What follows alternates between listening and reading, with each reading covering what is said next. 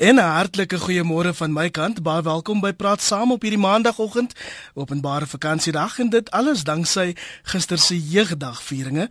My naam is Iver Price en dankie dat jy inskakel by 100 tot 104 FM. Statistiek Suid-Afrika beraam dat die gemiddelde Suid-Afrikaner 25 jaar oud is. Nou dis nie heeltemal 'n nuwe feit nie, maar wat nuut is, is die navorsing dat die gemiddelde Suid-Afrikaner midde in 'n kwart lewe krisis staan. Nou hoor ek al sig baie van ons ouer luisteraars en sê dis sommer plain epikonders. Stadig nou verstommend baie mense in hulle 20s en 30s ervaar hierdie onsekere, rigtinglose lewensfase. Dis 'n tydperk waarin wat hulle wil doen gewoonlik bots met wat hulle moet doen en die gevolg is dat toekomsverwagtinge aan skerwe spat. Vanoggend vra ons in die lig van gister se jeugdagvieringe, wat dryf hierdie verskynsel? My gaste hier in Johannesburg ateljee is Herman Du Plessis wat alles van bedryfsielkunde tot teologie geswat het en boonop is hy dosent in leierskap onder meer by die Monash Universiteit. Môre Herman. Haai môre Iwer, lekker om hier te kuier. En dan is daar Johnny Kainal, jeugleier wat elke dag sien hoe die kwartlewe krisis by jong mense manifesteer. Môre Johnny. Môre môre. Ons praat ook telefonies met Michelle Groenewald wat vir hierdie jaar haar werk as 'n biokinetikus bedank het en nou op ander maniere probeer sin maak van die lewe. Môre Michelle. Môre môre. Michelle is natuurlik regstreeks by ons ingeskakel van Aliwal Noord daar in die Oos-Kaap. Jy daar by die huis is meer as welkom om vanoggend saam te praat. Ek wil vanoggend by jou weet. In die ou dae het ouers geglo dat hulle kinders moet mik om 20, 30 jaar by dieselfde maatskappy en selfs in dieselfde pos te werk. Vandag vind ons dat jong mense al hier teen 25 'n hele paar poste beklee het en dinge gedoen het. Is dit noodwendig 'n goeie ding op nie, of nie? Herman, ek gaan by jou begin. Hierdie kwartlewe krisis. Dit kan vir baie mense 'n bitterpil wees om te sluk want die persepsie is mos dat 25 eintlik die ideale ouderdom is. Maar is nie so eenvoudig nie. Ja, Iwer, is definitief nie so eenvoudig nie, jy weet. Ehm um, Ek dink is interessant hierdie tydperk is baie traumaties vir jong mense. Dis regtig 'n tydperk van onsekerheid, angstigheid en innerlike konflik. En dis eintlik maar 'n fase waar hierdie ouens oorgaan van adolessensie na jong volwassenheid en waar hulle eintlik die verantwoordelikheid van volwassenheid moet aanneem en waar hulle werklik hulle volwassenheid uh moet uh, aanvaar en eienaarskap daarvan moet neem. So dit is vir hierdie ouens baie spanningsvol en dit is vir hulle verskriklik uitdagend En ek dink ehm um, in in vandag se wêreld is dit meer uitdagend as wat dit 'n paar jaar terug was. Uh die ouer luisteraars, jy weet, soos jy gesê het, hulle sê sommer dis epikonners, maar dit is eintlik nie, jy weet, dis 'n werklike uh probleem waarmee soveel jong mense vandag sit en dis werklik uitdagend. Ek wil net vinnig sê uh waar hierdie konsep vandaan kom is verskriklik interessant. Daar was 'n meisie in Amerika gewees en sy het in 1997 het sy afgestudeer. Haar naam was Abby Wilner. En toe sy klaar gestudeer het, toe weet sy nie wat om met haar lewe te doen nie. Toe gaan sy net huis toe en gaan woon by haar ouers. En sy het die werksplek ook verskriklik intimiderend ervaar. En sy het toe net 'n boekie oor geskryf en sy het hierdie boek getitel uh My Quarter Life Crisis en dit het verskriklik populêr geword en baie jong mense kon aanklank vind by hierdie uh, boek wat sy geskryf het en hierdie goed waardeur sy moes werk in haar lewe voordat sy volwassenheid betree het. So van toe af het ons gesien dat baie mense werklik uh, uitgekom het en en en begin praat het uh, sedert 1997 en baie navorsing is sedert gedoen deur sielkundiges uh, oor hierdie onderwerp maar sy's nie die eerste persoon wat eintlik gepraat het oor hierdie onderwerp nie. As ons gaan kyk na die die Duits-Amerikaanse uh, sielkundige Erik Erikson, het hy reeds in die middel van die vorige eeu gesê daar is 8 fases van psigiese sosiale ontwikkeling. En twee van hierdie fases van hom spreek eintlik hierdie quarter life crisis of hierdie kwart lewenskrisis aan. En dit is die laaste fases van vryheid wat jong mense het voordat hulle volwassenheid moet aanvaar en met hierdie eienaarskap van hulle eie lewens moet moet vrede maak. Nou sien ek al baie van ons luisteraars as 'n vakansiedag, hulle lê daar in hulle bed, dalk miskien al in die motor en dink, "Jessie, miskien is dit ek." Wat is die tipiese tekens van hierdie kwartlewe krisis? Wel gewoonlik voel hierdie jong mense ek het geen plan vir my lewe nie en hulle voel ook daar's geen doel vir my lewe nie. En ehm um, die wat dit erger maak is hulle kyk na almal om hulle en dit lyk jy's maar al hierdie ouens om my en al my maats weet wat hulle moet doen en al my maats kry rigting maar maar ek kry nou nie 'n uh, rigting vir my lewe nie. en hulle begin ook dan baie in hulle self twyfel en en ongelukkig begin hulle dan baie minder waardig voel.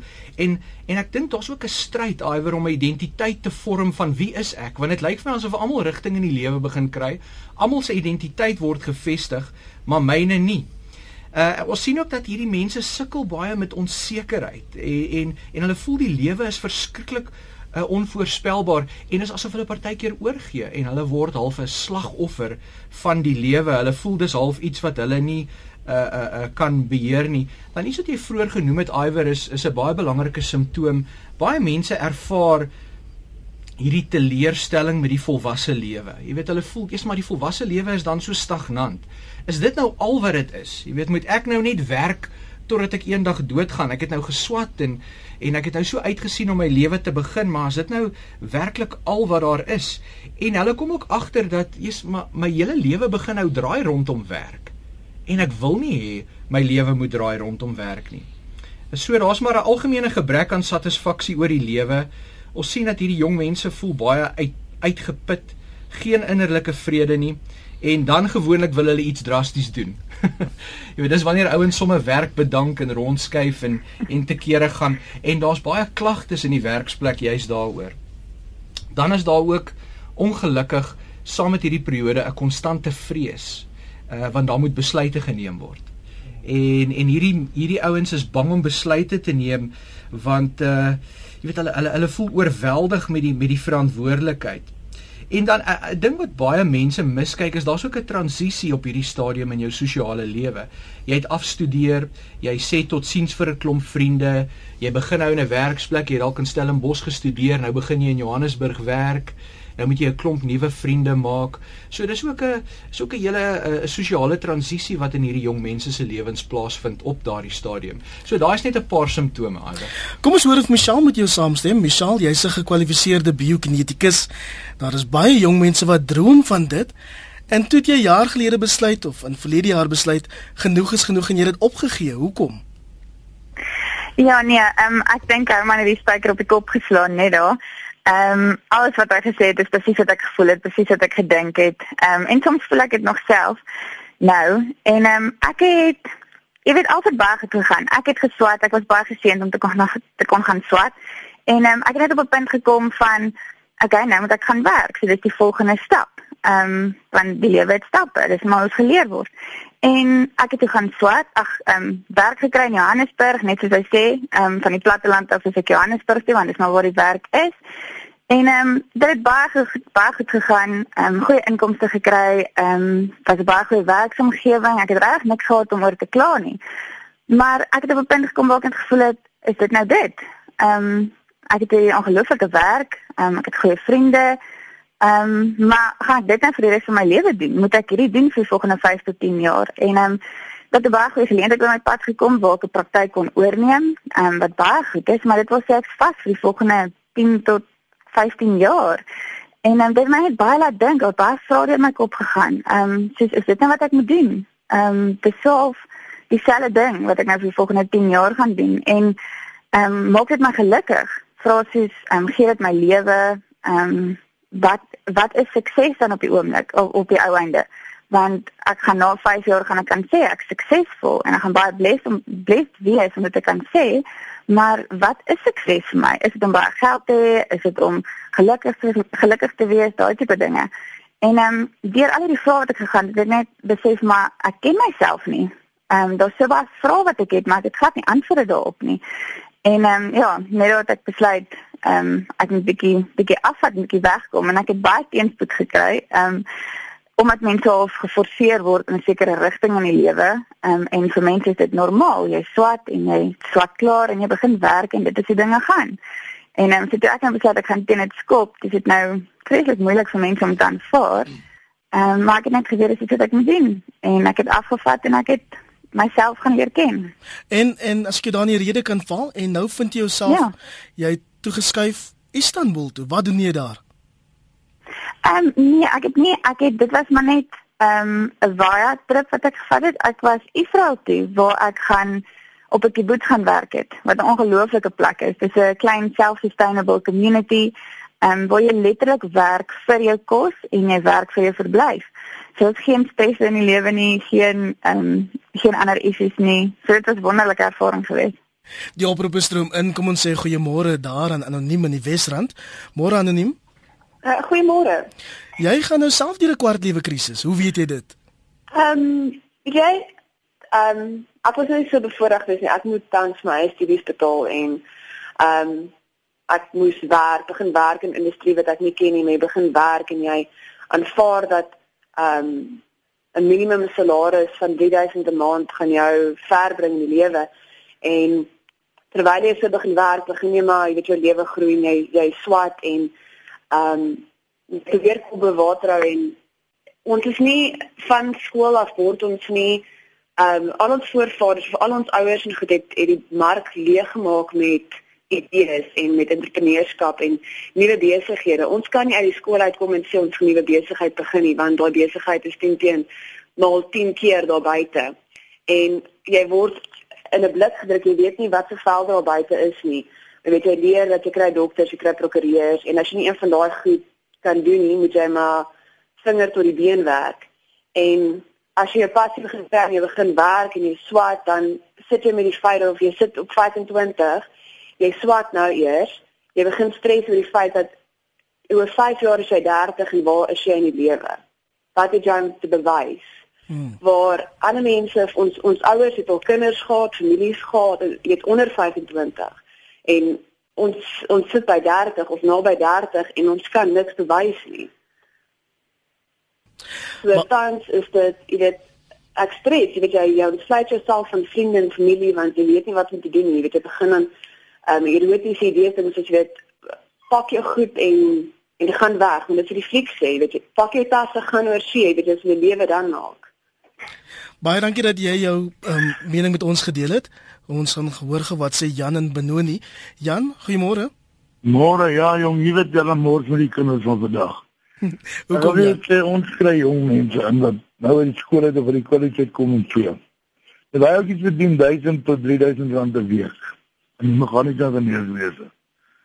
Dan op die ou land om 10 rand 'n dag meer of 20 rand 'n dag meer, dan loop hy ou.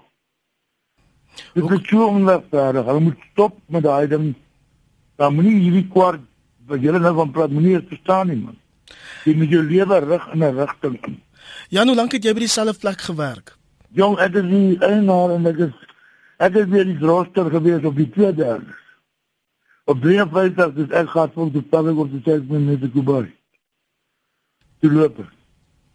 Baie dankie vir jou mening. Dis Jan daar in Benoni. Herman, 'n paar uiteenlopende menings daar.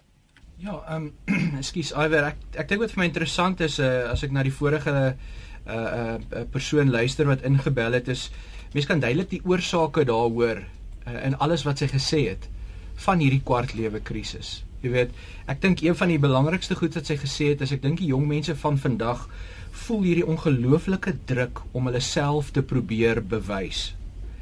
En ek dink die rede daarvoor, jy weet, is die is die kommunikasie van die media. Jy weet oor wie ons moet wees en wat ons moet bereik en teer wanneer ons dit moet bereik. Ek dink net daar's ongelooflike druk op hierdie generasie.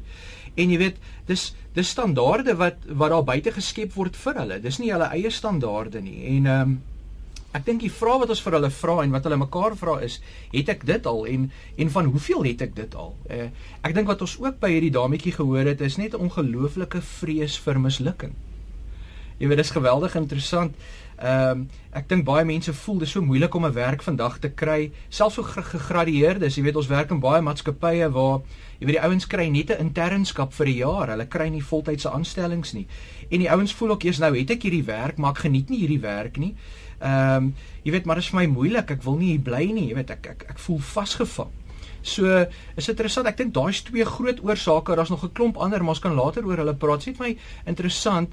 Ehm um, in my voorbereiding toe ek hierdie goed gaan neerskryf het en daar hoor ons dit nou, jy weet by by hierdie eerste dametjie wat inbel, net dis dis tipies die oorsake. Jy weet, is net hierdie ongelooflike druk wat daar buite is om jouself te bewys. En as ek net kan verwys na wat Michelle gesê het, ek dink is belangrik En ons kan later in meer detail praat oor, jy weet, hoe sorteer mense hierdie probleem uit, maar ek dink dit is belangrik om uit te werk wat beteken sukses vir jou. Want as ons die hele tyd gaan onsself gaan moet meet aan wat sukses al buite is, dan gaan ons werklik sukkel. Michelle, dis baie interessant. Het jy gevoel dat jou prestasies op een of ander stadium nie goed genoeg was nie en dat daar meer is tot die lewe wat jy eintlik wou najag? Ehm um, ek dink ja, ek dink daar was daar was 'n sekere 'n plek waar jy kom waar jy net voel maar ehm um, okay, ek het hierdie nou geswaar en ehm um, daar's 'n sekere salaris wat jy verdien en jy kan ook nie regtig meer verdien as dit nie. En ehm um, maar gaan dit alles dan op die einde oor goed, wat ek nie sê dit gaan nie, maar ja, jy kom op 'n punt waar jy voel maar ehm um, dalk is ek meer werd as wat die werk my toelaat. Ehm um, wat jy nie voel jy is nie jou werk nie. Ehm um, waar my baie so gevoel het. So ek is nou 'n bietjie net die keuse en dis nou maar my mense, dis nou maar wie ek is. Maar dit is nie, dit is goed dat ek net sê wel jy werk nog nie wie jy is nie. Ja. Die SMS stroom in op 3343. Anoniem van Noordwes sê ek stem 100% saam. Ek is 30, geswat, leer geklim en besef nou dit is glad nie wat ek wil doen nie, maar ek moes dit kies want die keuse was aangemoedig deur dit wat geld maak en daar was gesê ons moes so gou moontlik die leer klim. En dan sê Maggie van Morgenson, jong mense het geen guts nie en as iets nie na hulle sin gaan nie, gooi hulle dadelik die handdoek in. Ons, die ouers, is die oorsaak daarvan. Het hulle te veel bederf en hulle alles gegee net wat hulle wou hê. Ons sê goeiemôre aan Andre in Sasselburg. Andre, stem jy saam? Môre is RSG. Dis reg, Andre. Jy het o nee, dis RSG. Dis Willem. Willem. Willem, wat is jou mening? Want die tipiese ding waarmee ek nou sukkel, is ek is ook nou in die middeljare van my se lewe. Ehm um, maar nou ons bly in die platteland. Verdien nie 'n groot salaris maar verdien nie 'n slegte salaris nie. Maar ek het tyd saam met my gesin, ek het tyd saam met my familie. Ons bietjie aftyd in die middag, sulke goeders. Maar met my kwalifikasie alles kan ek meer as dubbel verdien in die stad.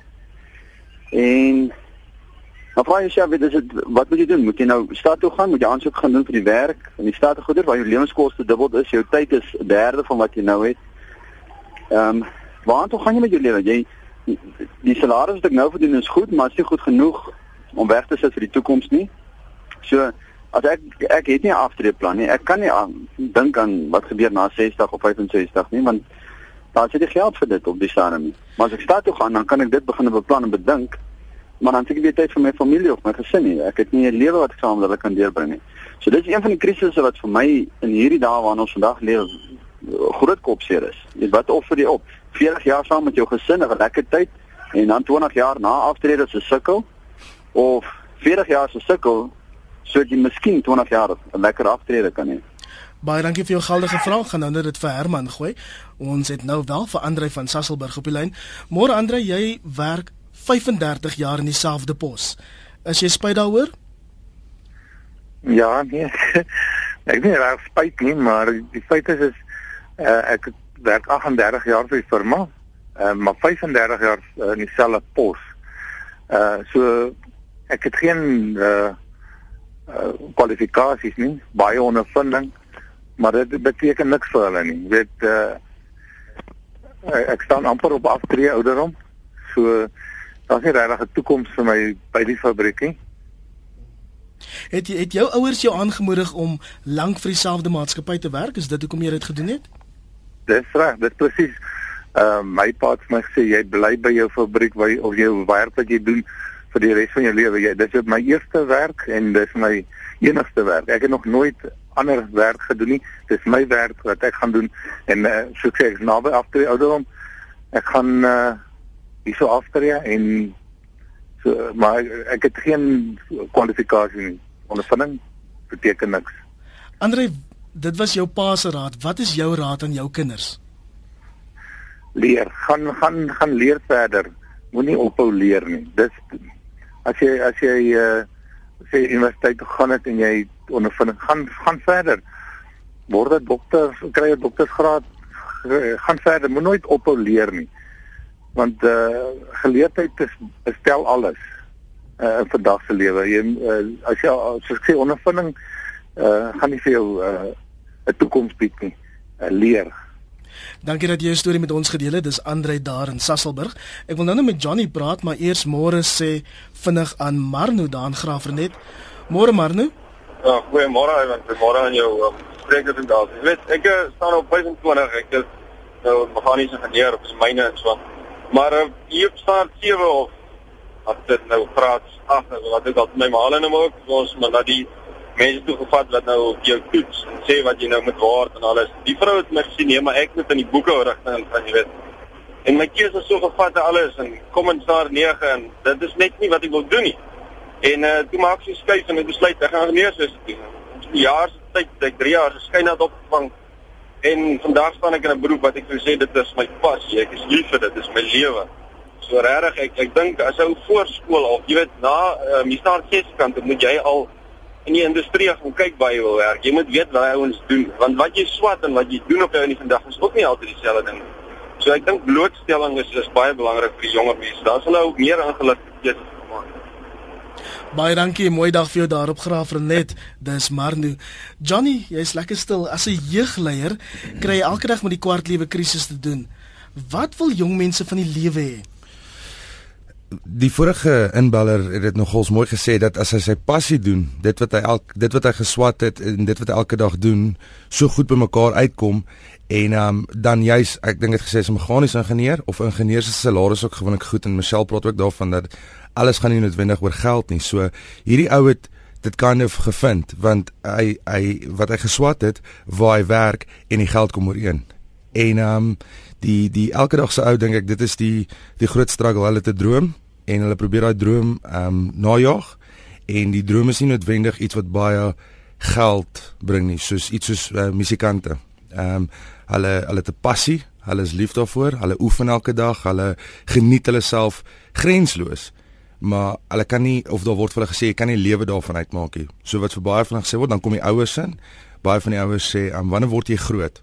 Want op 28 kan jy nie meer musikant wees nie. Op 27 kan jy nie meer entrepreneur wees nie.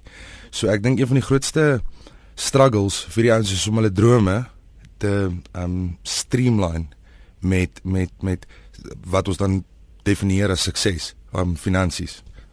Ons vra vanoggend of jong mense soos in die ou dae eerder moet mik om 20, 30 jaar by dieselfde plek te werk of behoort hulle so vroeg as moontlik in hulle lewe soveel as moontlik ondervinding op te doen.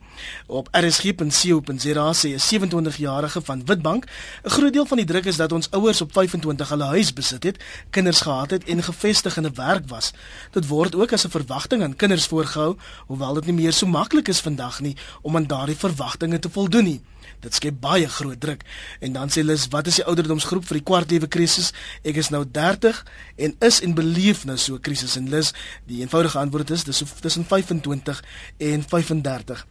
Herman Uh skiet jou reaksie op op op wat ons nou gepraat het? Ja, nee, daar was 'n hele paar goed nou uh, aangeraak wat vir my baie interessant is. Eerstens, uh, hoe verskillende generasies na die lewe kyk, dink ek het met die laaste paar uh, uh oproepe baie mooi deurgekom. En ek dink dis verskriklik belangrik om te besef is dat die waardestelsels van verskillende generasies uh, uh verander en uh, dit het definitief verander en met hierdie nuwe generasie sien ons dat dit heeltemal anders is. Een van die ehm um, persone wat ook ingeskakel het het genoem of ek dink dis 'n SMS wat jy gelees het Iwer dat die ouers is te blameer vir waar hierdie kinders nou gaan. Nou interessant baie navorsing sê dit ook. Jy weet dat die boomer generasie hoe hulle hulle kinders grootgemaak het is die rede vir hierdie kwartlewe krisis. Hulle het hulle kinders baie bederf. Hulle het heeltemal te veel geleenthede vir hulle kinders gegee as vorige generasies. Jy weet in vorige generasies het jy een of twee opsies gehad. Daar's vandag verskriklik baie opsies vir ouens uh, oor wat hulle kan gaan doen. Dit is interessant Amerikaanse statistiek wys dat daar nou meer 20 tot 30 jariges is wat by hulle ouers woon as wat getroud is. Nou uh jy sien as gevolg van die manier wat die boomers hierdie kinders grootgemaak het, ehm um, lewe hulle baie geregtig. Die Engelse woord daarvoor is uh is entitled. En en jy weet hierdie ouers is heeltemal te betrokke gewees in hierdie kinders se lewens en daarom sukkel hulle nou om eienaarskap te neem van hulle lewens. Uh sosioloog skryf die volgende, jy weet dat die boomer generasie het selfvertroue by hulle kinders probeer kweek maar hulle het eintlik hulle kinders net baie narcissisties gemaak. Nou ek weet dit klink verskriklik kras.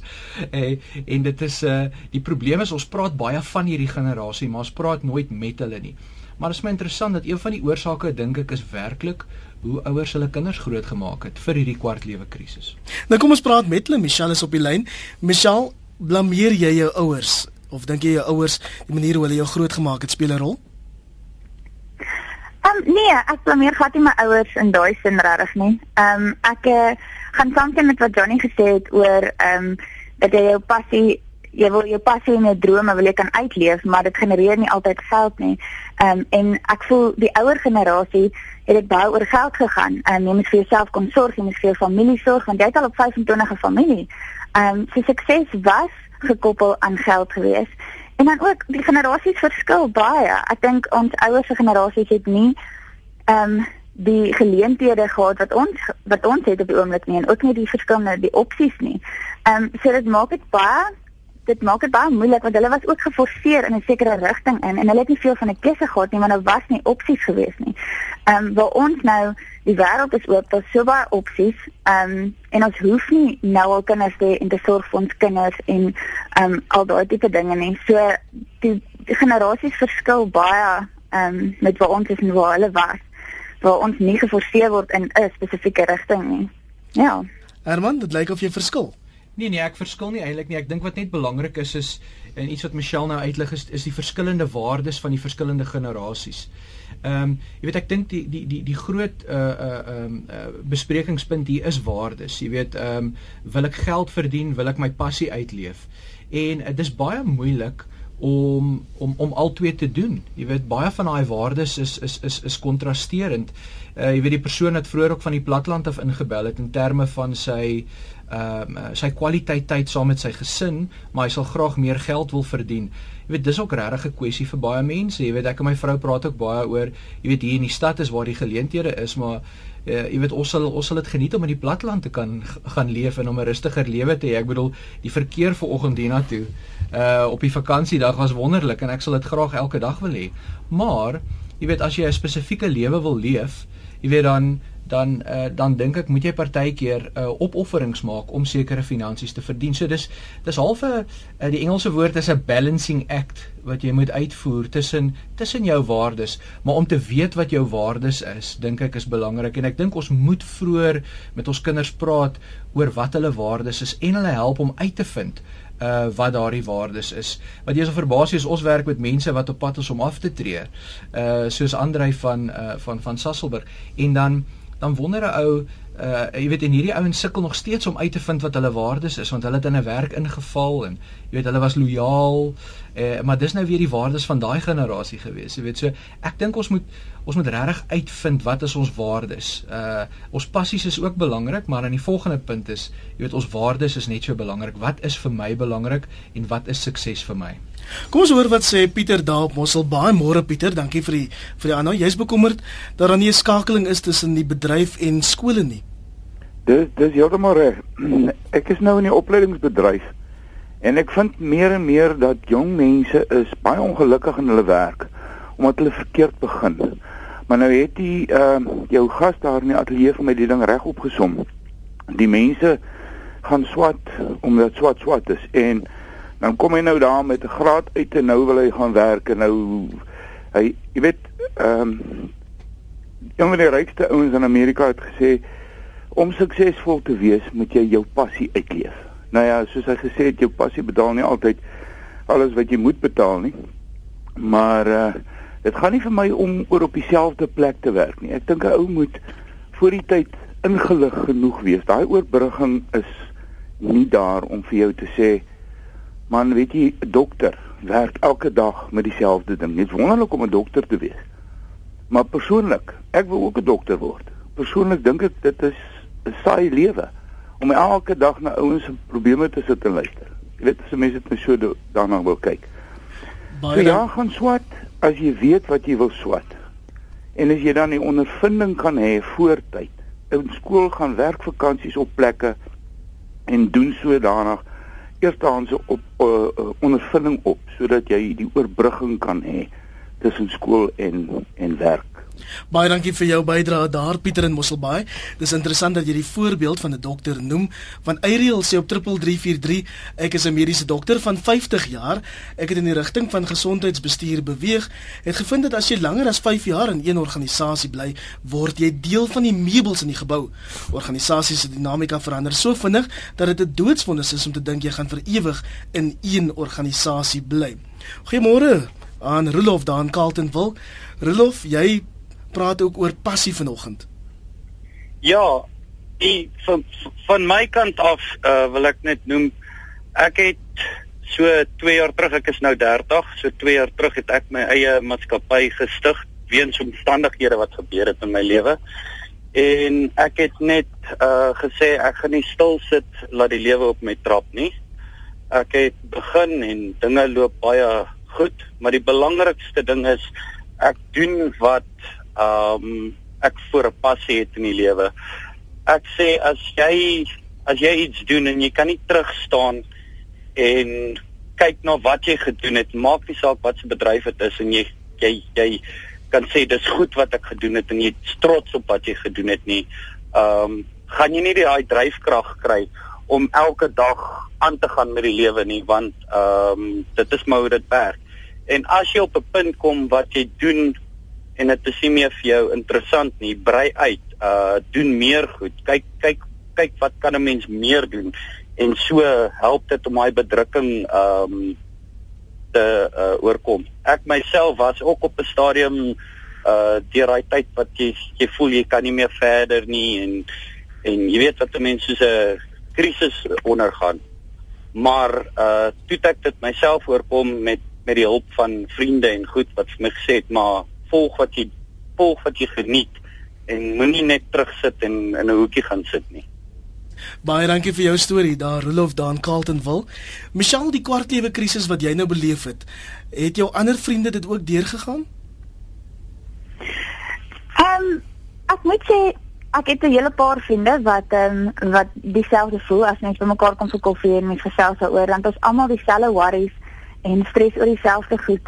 Ehm um, maar soos ek dink die vorige spreker het ook al gesê dat ehm um, ek het ook ek het bietjie ouer vriende wat net so tussen 25 en 30 is.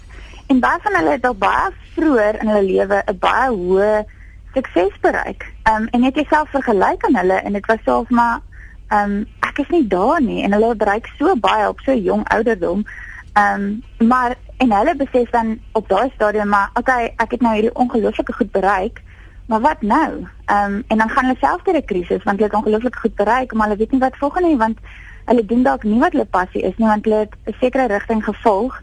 Ehm um, want dit wat hulle gesê is om te doen en hulle het goed geld gemaak en nou weet hulle nie wat se kant toe nie. Ehm um, ja, so nee verseker ehm um, vir my is is hy sien hy gaan ook deur 'n korte life crisis as dit so kan noem. Johnny jou reaksie? Ek sit net en wonder of ehm um, die ouer generasie nie miskien 'n sekere manier gekry gecreate het wat ons net moes volg nie. En ek dink alles van ons as soos wat ons groot word begin soort van teen dit skop en ek dink een van die groot dinge is want een van die struggles wat baie uitkom met die jonger mense is deeltyd die gelding. En ek dink die die die ding hoekom dit 'n uh, struggle word is daar's daar's baie foute in Suid-Afrika. Baie baie baie foute en ek dink ons beleef dit baie baie meer as die vorige generasie. Um mense op die strate, babetjies op die strate, jy weet, um daar's daar's regtig baie baie foute. En ek dink die struggle begin gebeur is as ek wil regtig iets omtrent hierdie doen. Ek wil regtig goed doen. Iemand het nou net daarvan gepraat. En dit wat ek goed wil doen bring nie noodwendig altyd baie baie geld in nie. So daar's hierdie verskriklike kontras struggle die hele tyd tussen ek wil iets goeds doen in die wêreld, ek wil goed doen vir die wêreld want die wêreld om ons is op hierdie stadium in 'n baie negatiewe spasie en tog moet ek ook die hele tyd werk en dit is die, die van ons ouers se kant af voel ek daar's baie druk om deeltyd iets te wees van media is daar baie druk om iets te wees om om om sekere titels te hê 'n name badge te wat my 'n titel gee en tog is daar ook 'n sterk amper of mens 'n human wat sterk deurkom om iets te wil doen aan die wêreld wat nie wat nie in die beste van van kondisies is Suid-Afrika spesifiek gepraat so ek dink daar's 'n groot uh, ten tension vir vir ons as jong mense As jy dalk laat bins ingeskakel het, jy luister na Praat Saam op RSG. Suid-Afrika het gister nasionale jeugdag gevier en vanoggend probeer ons vasstel hoekom so baie jong mense 'n kwart lewe krisis beleef. Verstommend baie mense in hul 20s en 30s ervaar hierdie onsekere, rigtinglose lewensfase. Bly ingeskakel op 100 tot 104 FM. Ons sê goeiemôre aan Anoniem in Kaapstad. Anoniem, jy's 50, maar het ook hierdie kwart lewe krisis beleef. Eiwer goeiemôre. Ehm um, ja, verseker. En en ek het begin dink nadat nou dat ek 50 is en kyk terug na 25, 26 en 27, het ek begin wonder of dit nou maar nie die pad is wat 'n ou se lewe en mense biologie met jou stap dat jy op 25, 26 en 70 bietjie van 'n krisis belewe nie en dat jy ehm um, lock stock and barrel nie die enigste een is wat dit belewe nie en dit is waaroor jou program vanmôre gaan. Ek het myself ehm um, ordentlik akademies kwalifiseer. Tersiêre opleiding in die werke en op die ouend um, gaan werk in my beroep en ehm um, na 5 jaar 'n draai gegooi en toe op die ouend betrokke geraak in verskeie maatskappye in terme van maar dit was professionele ehm um, uh posisies waarvoor ek geen kwalifikasie gehad het nie. En op die ouend ehm um, ek het twee afleggings in die proses belewe wat glad nie ehm um, heerlike ervarings is nie. Die manne wat wat dit saam met my beleef het sal weet dit is maar 'n harde tyd om deur te gaan. En op die ouend hier in die omgewing van dink ek dat ek mooi uitwerk waar ons nou is. Kom ons sê 38. Dis dit ek in Tomatiestraat want dit ek nie werk nie. Dit ek 'n eiendom en 'n motor. En ehm um, jy het natuurlik nodig om vir jouself te betaal. Te besef ek wel wat maak ek nou? Daar is nou niks. Dit bied iemand vir my werk aan waarvoor ek nog geen kwalifikasie het nie. Dis sê goed ek sal hom help en ek het op jou in die werk gedoen en op die ount het dit 'n besigheid ontwikkel. In die eerste 3 jaar van daai besigheid se bestaan het ek nie werklik gedink dis 'n besigheid wat bestaansreg het nie. En ek het die hele tyd op die mespunt gevoel. Want of ek 'n kwalifikasie gehad het of nie 'n kwalifikasie gehad het nie, ek het nie gevoel dis reg van my om vir kliënte wat nader aan my kliënte geraak het vir jare daarna. Um kontraktuele voordele aan te bied want ek het geen kwalifikasie nie. Hoe sê jy raak my kliënt en jy het nie 'n kwalifikasie nie? Nou moet ek ook vir jou sê ek is ook 'n Christen. En in die proses van om dit alles te leer, het ek besef die lewe is dinamies. Jy kan binne jou maatskappy verband want ek was daar. Jy kan nie binne jou maatskappy verband kan jy nie hanteer hoe jou baas teenoor jou optree nie. Jy kan nie op jy kan nie die vooruitgang van die maatskappy of die nuwe rigting wat hulle inslaan, kan jy nie beheer nie.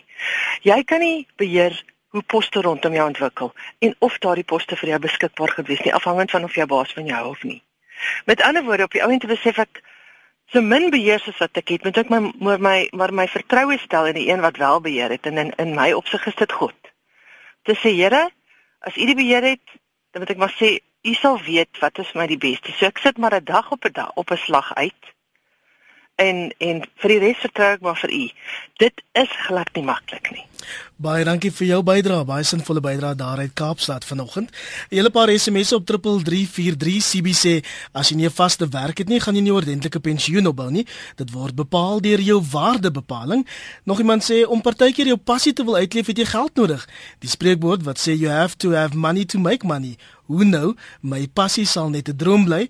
En dan sê iemand anders ongelukkig kan die politieke en sosiale omstandighede van ons land nie buite rekening gelaat word nie. Baie ouers was of is nie voorberei op die uitdaging van 'n nuwe Suid-Afrika nie en kon nie hul kinders reg voorberei nie. Ouers is beskuldig. Die werkmag of mark en uitdagings van vandag is totaal anders as toe ons begin werk het. Herman, ek wil begin fokus op die impak op saakondernemings. As so baie Suid-Afrikaners dan deur hierdie kwartliewe krisis gaan, moet dit tog 'n impak hê op ons saakondernemings.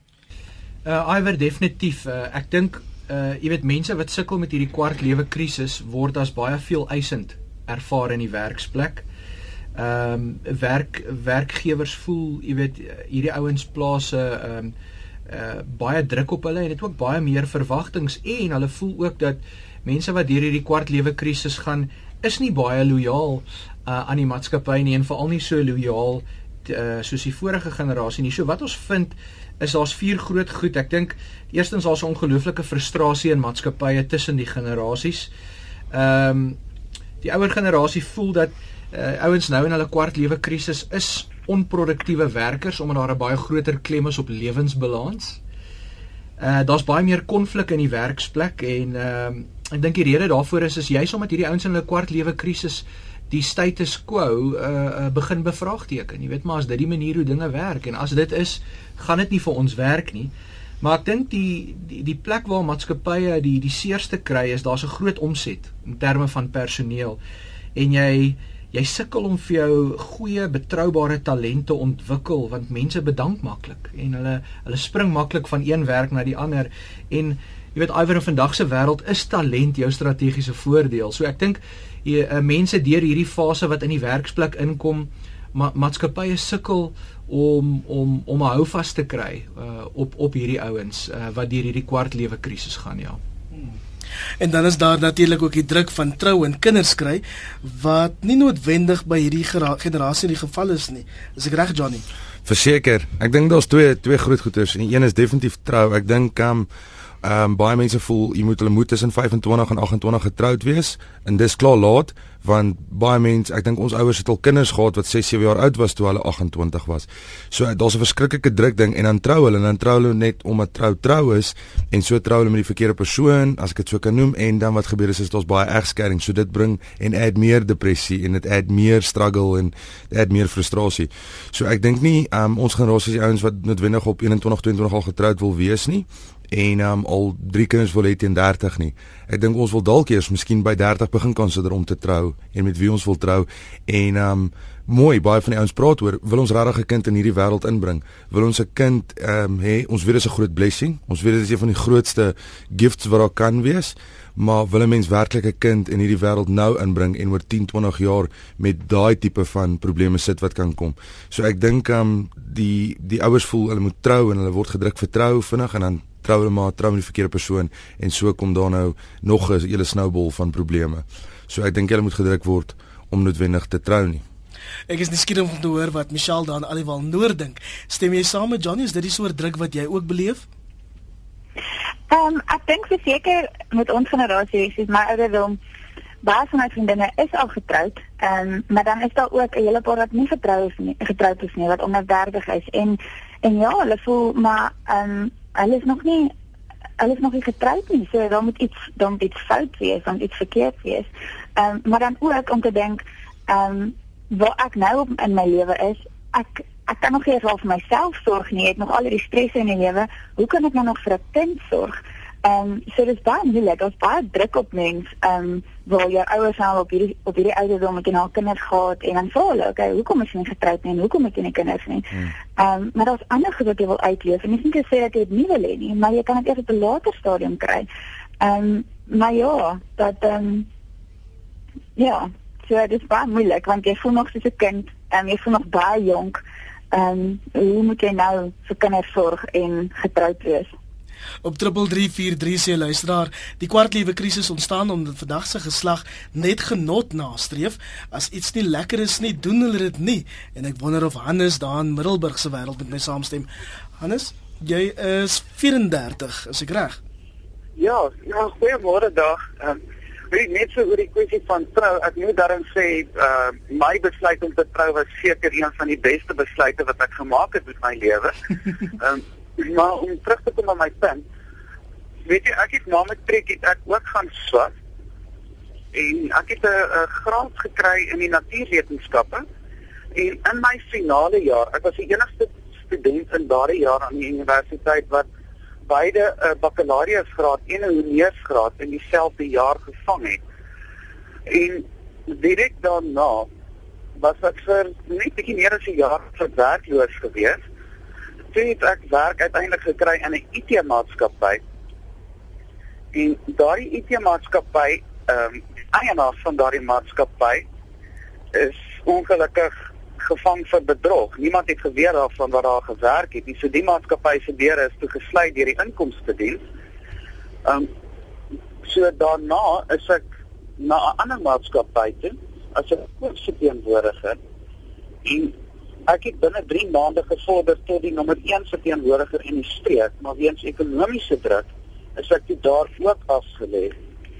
Net daarna het ek na een van die groot vier banke toe. Dan en dit was 'n werk wat ek geweldig geniet het. Maar weens politieke druk moes die bank demografiese veranderinge maak en ek is om daardie rede afgelê by die bank. En op hierdie stadium het voel ek net ek het probeer en probeer en probeer. Ek het presies geweet waarheen ek op pad was. Maar elke slag is daar 'n terugslag en ek voel elke slag het ek misluk. So ek is in daai krisis van ek is nou 'n discouraged work seeker. Anders. Ek gaan jou daar in die rede moet sny. Ehm um, rede moet val net omdat ons tyd besig is om om te verdwyn. Ander staan midde in daai kwartlewe krisis en so ook baie mense wat nog wil deurkom of reeds ge-SMS het op 3343. Wat staan hulle te doen Herman? Wel, Iwer, as ek net gou-gou 'n uh, uh, raad kan gee vir al hierdie ouens in hulle kwartlewe krisis. Ek dink in die eerste plek ontwikkel realistiese verwagtinge oor jou werk en oor jou lewe want ek dink jy weet die verwagtinge word nie ontmoet in die werksplek nie. So ek dink dis belangrik. Ek dink neem tyd om werklik ondersoek in te stel oor wat is jou waardes en waaroor is jy werklik passievol en dan be begin jou lewe beplan, begin jou toekoms sien. Uh, kry iemand om jou te help daarmee. Jy weet, besluit wat is jou definisie van sukses? Jy gaan 85000 uur aan jou loopbaan spandeer, jy weet. Uh, en spandeer jou loopbaan aan iets wat werklik vir jou belangrik is. En dan ek dink 'n volgende punt wat belangrik is is neem 'n besluit. Hierdie generasie probeer die hele tyd hulle opsies oophou. Met ander woorde, hulle maak nie ehm um, soos die Engels sê 'n commitment nie. Met ander woorde, jou lewe gaan nêrens heen gaan as jy nie 'n besluit neem nie. En onthou mislukking is deel van die lewe. Aanvaar dit, leer daaruit, maar moet net nie jou mislukkings herhaal nie, uh, want dan jy nie daaruit geleer nie.